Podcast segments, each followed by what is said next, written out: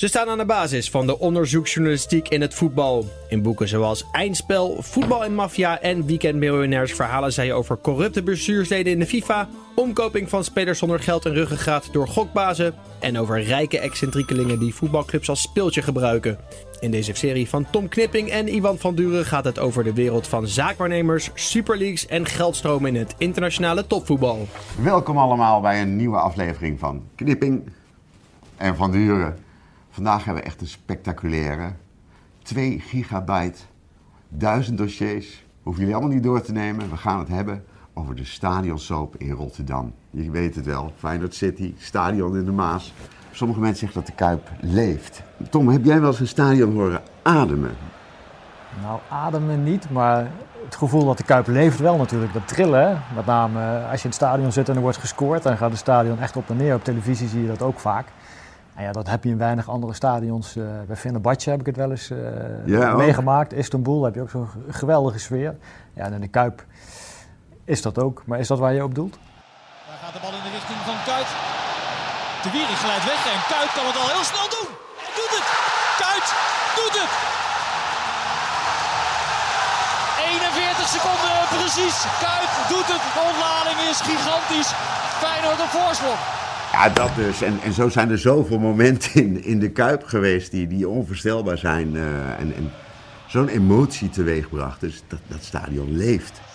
Natuurlijk staat dit schitterende stadion bekend om zijn sfeer. Maar zoals vandaag heb ik het toch echt uh, zelden meegemaakt. Het is veel meer dan een stadion. Nou ja, je weet wat er aan de hand is. En er is natuurlijk maar één kernvraag. Heeft Feyenoord eigenlijk heeft een nieuw stadion nodig om aan te haken bij Ajax en PSV? Laten we Europa maar even buiten beschouwing. Of niet? Wil ik alleen een ja of een nee?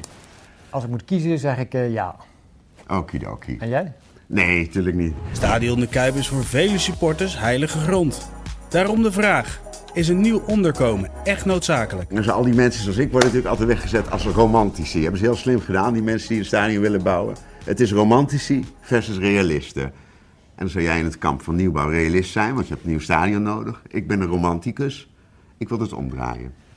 Nou, ik, ik, zeg niet per se een nieuw stadion, maar natuurlijk wel een modern stadion. Wat gewoon voldoet aan de eisen van deze tijd. Gewoon een nieuw stadion neerzetten en uh, ja, verder geen idee hebben. dan komt het vanzelf wel goed. Zo werkt het natuurlijk niet. Hè? Kijk, als je nu al de begroting van Feyenoord bijvoorbeeld afzet tegen die van PSV. Dan zie je dat Feyenoord eigenlijk nationaal hetzelfde ophaalt als PSV. Maar PSV heeft gewoon veel hogere Europese inkomsten. Dus met andere woorden, het beleid van PSV is gewoon beter dan dat van Feyenoord. Aha. PSV had even een kleiner stadion, maar veel moderner wat ze zelf exploiteren. Maar hun binnenlandse begroting is eigenlijk gewoon even hoog als die van Feyenoord in een oud stadion. Dus het is niet zo dat je met een nieuw stadion vanzelfsprekend uh, alles oplost. Mag ik jou even testen van wanneer is het de eerste steen gelegd van het PSV-stadion?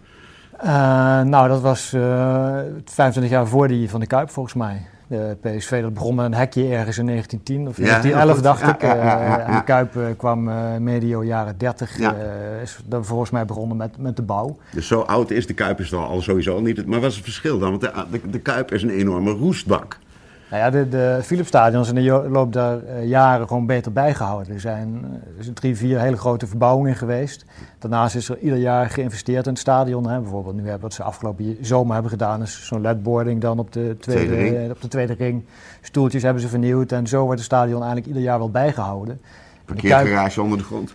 Ja, de Kuip is volgens mij begin jaren 90, dacht ik, hè, voor het laatst uh, aangepakt. 96, ja. Ja, en daarna is er gewoon helemaal niets meer uh, aan gebeurd. En dan, uh, ja, dan veroudert het natuurlijk heel snel. Ja, het is schandalig. Het is echt schandalig. De directeur van de Kuip, van Merwijk heet die meneer, die moet zich doodschamen. Want je, je 80% van het publiek gaat dan niet eens meer een bier halen. Het, het, het, heeft geen zin. Zelfs als je als pers je ticket moet halen met zo'n loketje, daar zie je iemand achter heel ja. vies ruitje zitten. Ik ben van Geel of Gudde wel eens geweest op die kantoren. Nou, schaftketen zijn het. Dus het is echt schandalig. Tom, uh, prominente Feyenoorders zoals Van de Herik, Beenhakker, Van Hanegem. Van die zeggen dat is helemaal niks. Maak die tent eerst maar schoon. Van Hanegem zegt ik zet geen stap in dat nieuwe gedrocht.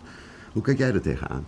Uh, ja, dat is wel een beetje de discussie die altijd speelt hè, bij de overgang naar een nieuw stadion. Bij, Ajax, toen zij van de Meer naar de Arena gingen, was dat in feite hetzelfde. Dat gebeurde uiteindelijk was medio jaren 90, maar al in de jaren 70 we hadden de eerste plannen gemaakt voor een nieuw stadion. Dat was ook zo'n drama. Hè? Ja, dat had te maken met. Kijk, dat was eigenlijk speelde eigenlijk een beetje hetzelfde als nu bij, bij Feyenoord. Het was een heel geliefd stadion qua sfeer. Het publiek zat dicht op het veld. Uh, ze hadden ook een goed Altijd een heel mooi, goed veld. Wat in de Kuip... 15.000 ja, mensen. Ja, Engelse sfeer. Het was een heel populair stadion, alleen het, het, op een gegeven moment verouderde het. Dus de financiële achterstand op PSV werd groter. Toch kwam er telkens maar geen nieuw stadion. En toen kreeg je begin jaren 90 dat staafincident. Ja, waarbij van, het, of de. Ja, ja, waarbij dus een staaf richting de keeper werd uh, gegooid en Ajax werd uitgesloten van Europees voetbal. En dat was eigenlijk pas de druppel waarna werd gezegd... Ja, dit stadion is echt niet veilig meer, er moet nu echt een nieuwe komen. En toen gingen ook uh, de romantici, zoals jij het dan noemt, die gingen uiteindelijk ook overstag.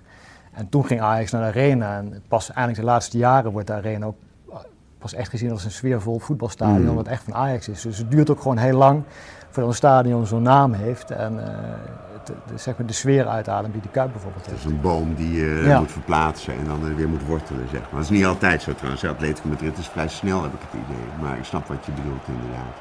Ja, bij Arsenal bijvoorbeeld heb je dat ook gehad. Hè? Arsenal had natuurlijk een geweldig stadion, ja. Highbury. En op een gegeven moment werd het Emirates daar neergezet.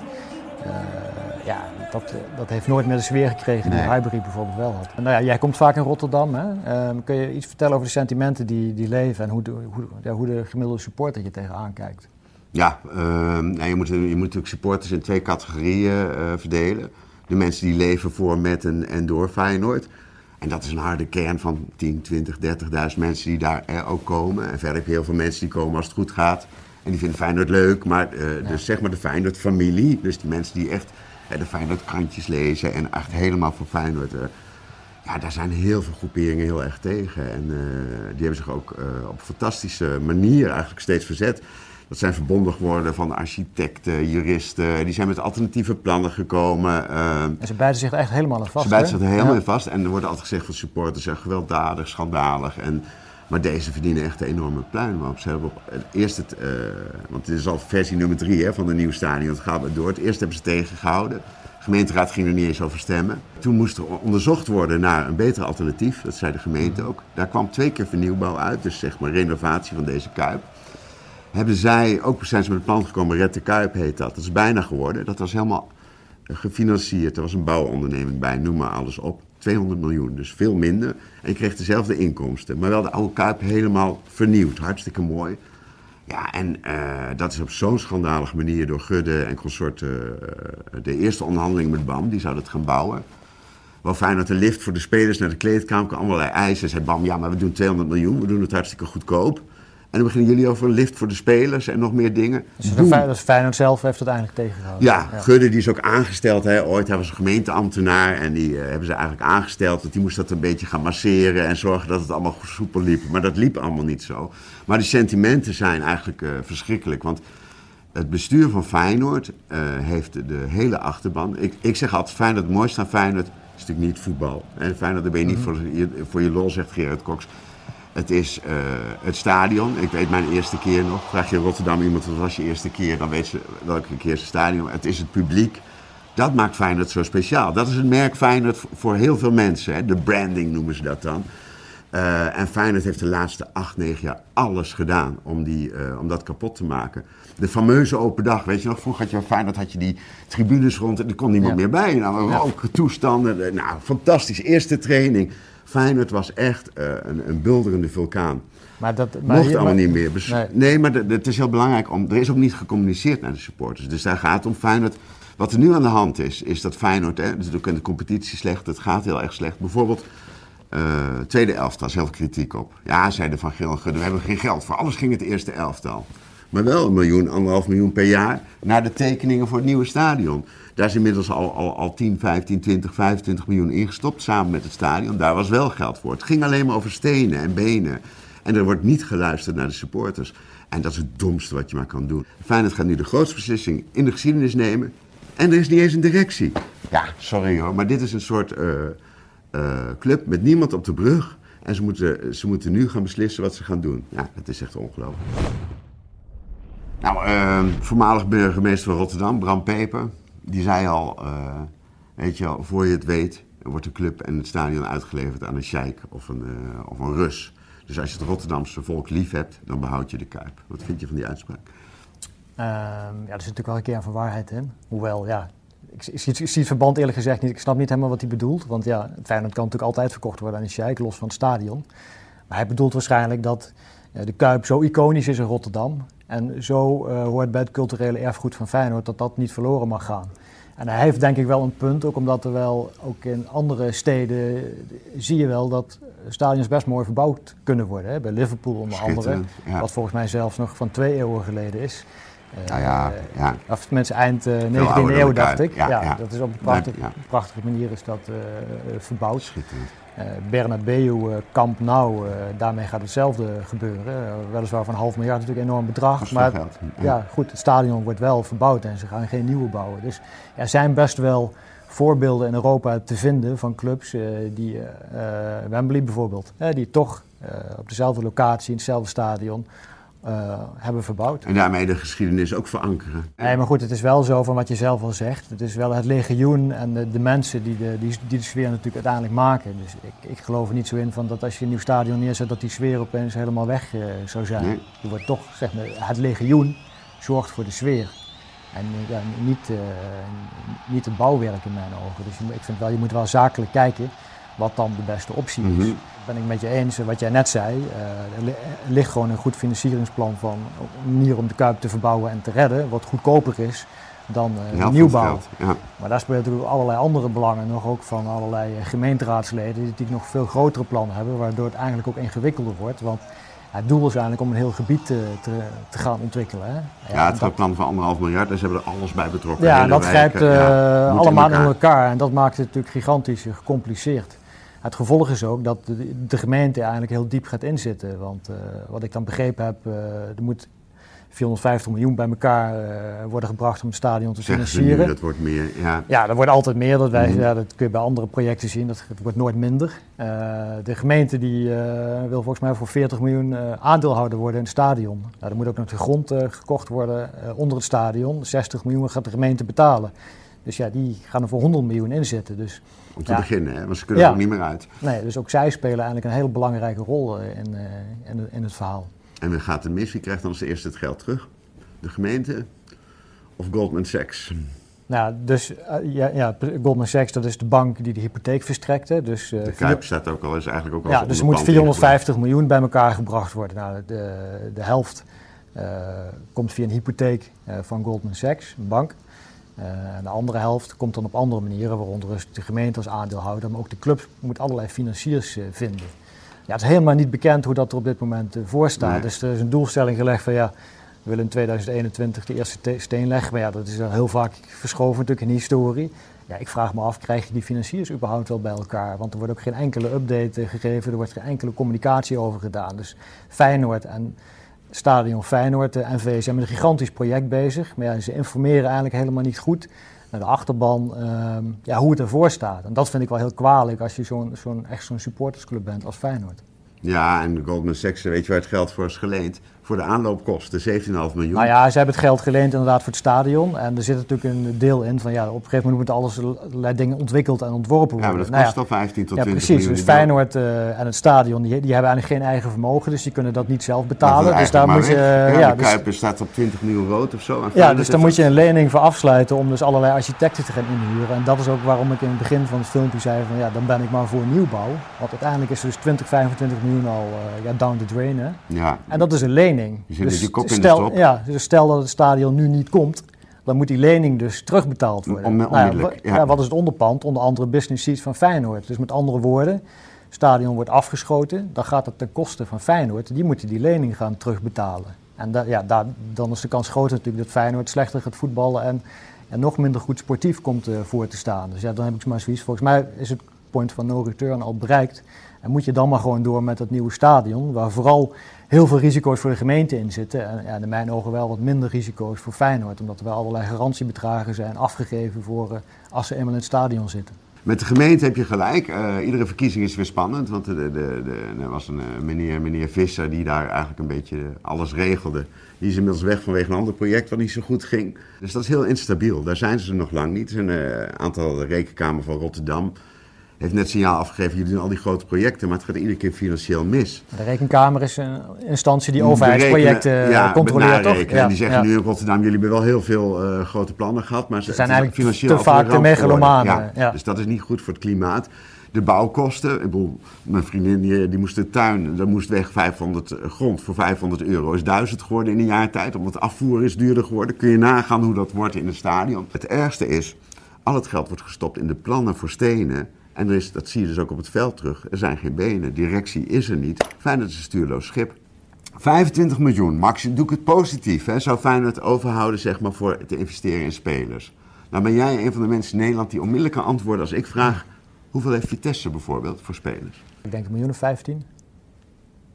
Vijf- Ja. Wat Nee, is maar- 25 dan? Nee, maar 25 is eh, volgens mij het bedrag. Kijk, er is een business case voor een nieuw stadion. Eh, wat vaak gebeurt is dat eh, een club gaat een stadion huren en krijgt zelf de exploitatie in handen. En daar wordt niks van. Ja. geld uit gegenereerd. Gaat het slecht met het stadion, dan gaat het ook vaak slecht met de club. Nou, wat is nou het idee van eh, de nieuwe Kuip? En zo doet eigenlijk geen enkele eh, stadion het. Eh, zij geven Feyenoord eigenlijk een soort gegarandeerd bedrag per jaar. Dat zou volgens mij 25 zijn, maar het is Ja, inmiddels er ook al zitten 17, clausules 18 in. volgens mij Ja, wat het zou ja, kunnen worden. het, Maar in ieder geval een gegarandeerd bedrag aan Feyenoord, wat ze in ruil krijgen voor het spelen in de Kuip. nou kun je Vitesse Plus selectie neerzetten. Ja goed, maar Feyenoord heeft natuurlijk ook allerlei andere inkomsten nog. Dan? TV-rechten, merchandise, eh, eventueel inkomsten uit Europa, et cetera. En op basis daarvan maak je natuurlijk je spelersbegroting. Daarom zeg ik ook, er zit voor Feyenoord op zich weinig risico aan. Je hebt de gemeente en allerlei aandeelhouders, die worden eigenaar van het stadion. Dus dat, zeg maar, dat, die worden de dragers van het risico. En die garanderen Feyenoord, we geven jullie 25 miljoen per jaar. Eh, dat is, dat is een Mhm, beetje het mhm. idee. Dus Feyenoord, eh, zeg maar, het, het stadion loopt vooral het risico. Dus eh, volgens mij is dat vooral de gemeente eh, en, de, en de investeerders die er eh, uiteindelijk in gaan stappen. Oké, doe ik het anders, eh, want het, wordt het is schaak op veel borden mensen. Ik snap het, dit, dit is pittig. Nou ja, de vraag, de vraag is, wat is het verschil tussen die 25 miljoen die ze in een nieuw stadion krijgen... en wat gaan ze eventueel overhouden in de vernieuwbouw? Dankjewel. En dat is al berekend. Minstens, minstens dat bedrag. Ja, dus dan- en, en dan kun je voor de helft bouwen. De Kuip blijft staan. Het wordt helemaal gemoderniseerd.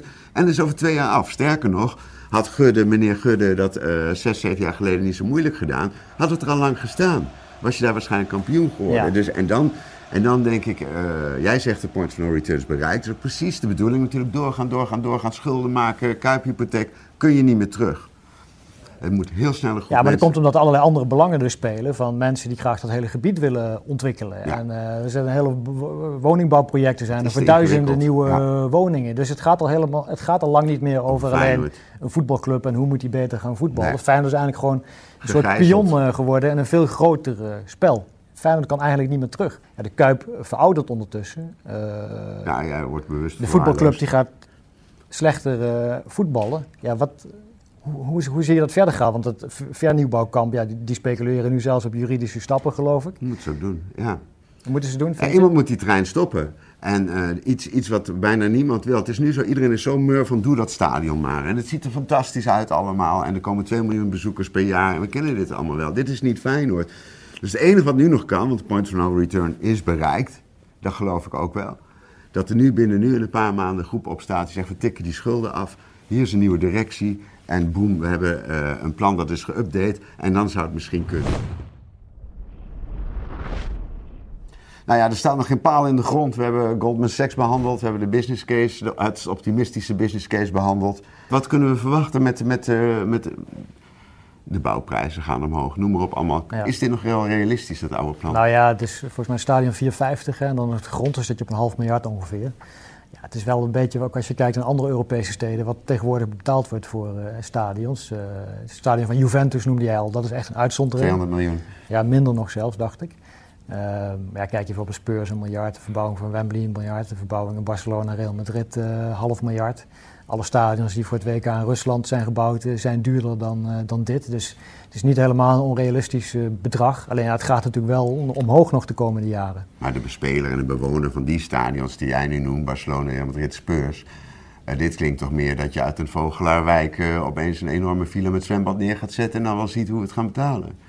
Ja, dat klopt. Alleen nogmaals, volgens mij is de club niet het risicodrager hier. Mhm. Dus dat is toch echt degene die in de het stadion gaan investeren.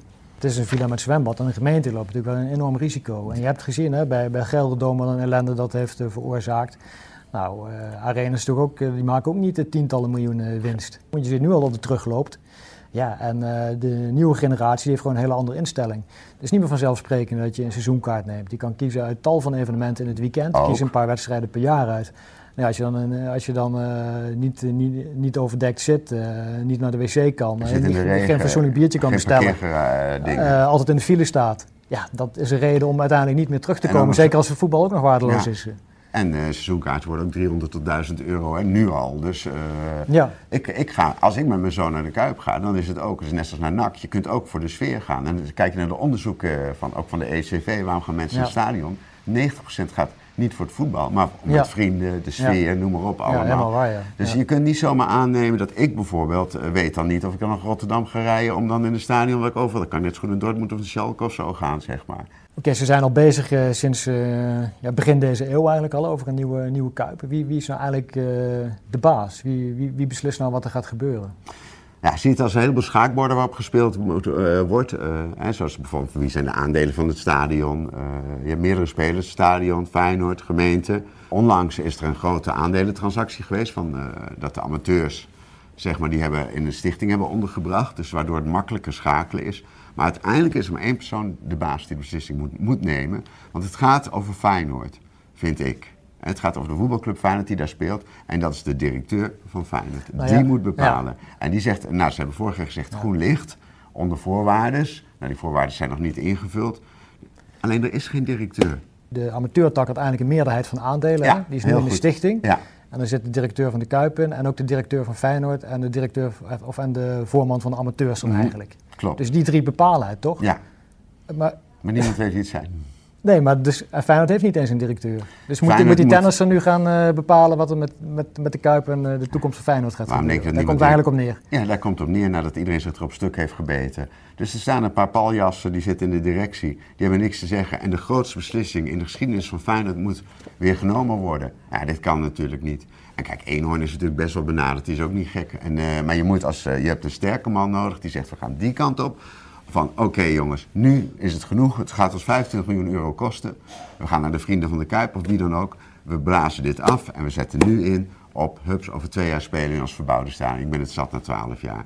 En dat kan nog steeds, want er zijn, net zoals de vrienden van Feyenoord negen jaar geleden Feyenoord gered hebben met 40, 50 miljoen, heb je nu ook vrienden van de Kuip die al wel in staat waren om bijvoorbeeld 15 miljoen te bieden voor die aandelen. hebben ze niet gekregen. Maar daar zit ook geld. Dus ik denk dat de allerlaatste kans is een nieuwe directie. Maar dan het plan kan alleen met, ook met een nieuwe directie erbij. Want deze directie, die nieuwe, die meneer Van Bodegom, weet je wel. We gaan meedoen om de titel, Amerikaanse investeerders, noem maar op, allemaal. Wie is die man? Gehaald door een headhuntersbureau. Dat is dus nu de man die bepaalt. En, en hij is een commissaris, hè, dus die moet, die moet de directie aanstellen. Die man is voor het stadion, maar weet jij waar die, hij weet toch helemaal niks. Het is, een, het is, het is, het is de, uh, een, een, een, beetje amateurclub wordt beter geleid dan deze club. En dan moet de gemeente in zee gaan met de club zonder directie. Nou, als de gemeente dat doet, moeten ze ook niet zeuren over vijf jaar. Nou, wat ik me vooral afvraag is, gaan ze die, want er is een heleboel financiering nodig, gaan ze dat überhaupt bij elkaar krijgen? Hadden we dat niet gehoord al, denk je? Ja, precies. Ja, je gaat niet naar Goldman Sachs voor de lol. Nee, en die, die, geven dan de helft en de andere helft moet op een andere manier bij elkaar komen. Maar ja, dat is dus nog niet gelukt en we horen ook geen tussenstanden. Dus ja, ik vraag me af hoe dat ervoor staat en of dat op tijd lukt om uh, die 2021 dan nog te halen. Nou, ik heb in het begin gevraagd uh, voor of tegen die nieuwbouw. Ik heb een half uur uitermate intelligent uh, gesprek gehad met je. Hoe sta je er nu in? Wat nou, is de beste optie voor nou Feyenoord? ja, Jij bent directeur van Feyenoord. Kom nu binnen, morgen aan die tafel. Mensen, we gaan dit doen. Ja, wat ik je net al zei, van ik denk dat er geen weg meer terug is. Dus mhm. zeg maar die leningen die zijn aardig. wie moet Goldman Sachs zo even afkopen? Hier heb je 25 miljoen. Ja, wie gaat dat doen? Niemand gaat dat toch zomaar afgeven. Kijk, in de basis vond ik dat vernieuwbouwplan van Red de Kuip goed, maar dat is mm niet doorgekomen. Mhm. Ook niet bij die sportclub uiteindelijk die mhm. hun aandelen niet aan die partij hebben willen verkopen. Dus ik vraag me af of het draagvlak van die partij dan wel zo sterk en zo groot is. Dus ja, ik zou dan toch kijken, oké, eh, ik zou het gewoon pragmatischer doen. Wat hebben we nu? Kunnen we die financiering rondkrijgen. Want het is een stadion waar Feyenoord op zich weinig risico in gaat lopen. En dan zou ik dat proberen te regelen om, die, om, om dat geld bij elkaar te krijgen om het te bouwen. Vol gas vooruit, gelederen sluiten. Ja. En dan uh, in ieder geval beter, ook als het verkeerde kust, wel er vol voor gaan. Ja. Ja, oké. Nou, eh, dat was een zware hap. dat was een lekker light Ja. onderwerp, ja. Ik heb een leuk, ja, een lekker lijf op. Het stadion in Europa waar de meeste Europa Cup finales zijn gespeeld. Even een afsluitertje. Weten jullie die? Weet jij die? Stadions meest Europa, dat zou ongetwijfeld de Kuip dan Mhm. Dat zijn. is nog steeds de Kuip inderdaad, ja. En, eh, en eh, dus wat dat betreft, het is een oude roesbak, maar het is zo magisch. Het zijn, eh, ja, wat- hoe noemen we het? Sentimenten van staal. En, Toch denk ik uiteindelijk dat Ajax wel blij is dat ze van de arena naar de meer, of van de, de meer naar de arena zijn gegaan. Dat denk ik ook wel, inderdaad. Ik bedank voor het kijken. Laat weten wat je ervan vond. Het is een gevoelig onderwerp. We hopen het goed uitgelegd te hebben. En als je dacht, wat was het ingewikkeld? 2 gigabyte, hè? 1000 documenten. Graag gedaan en tot volgende keer.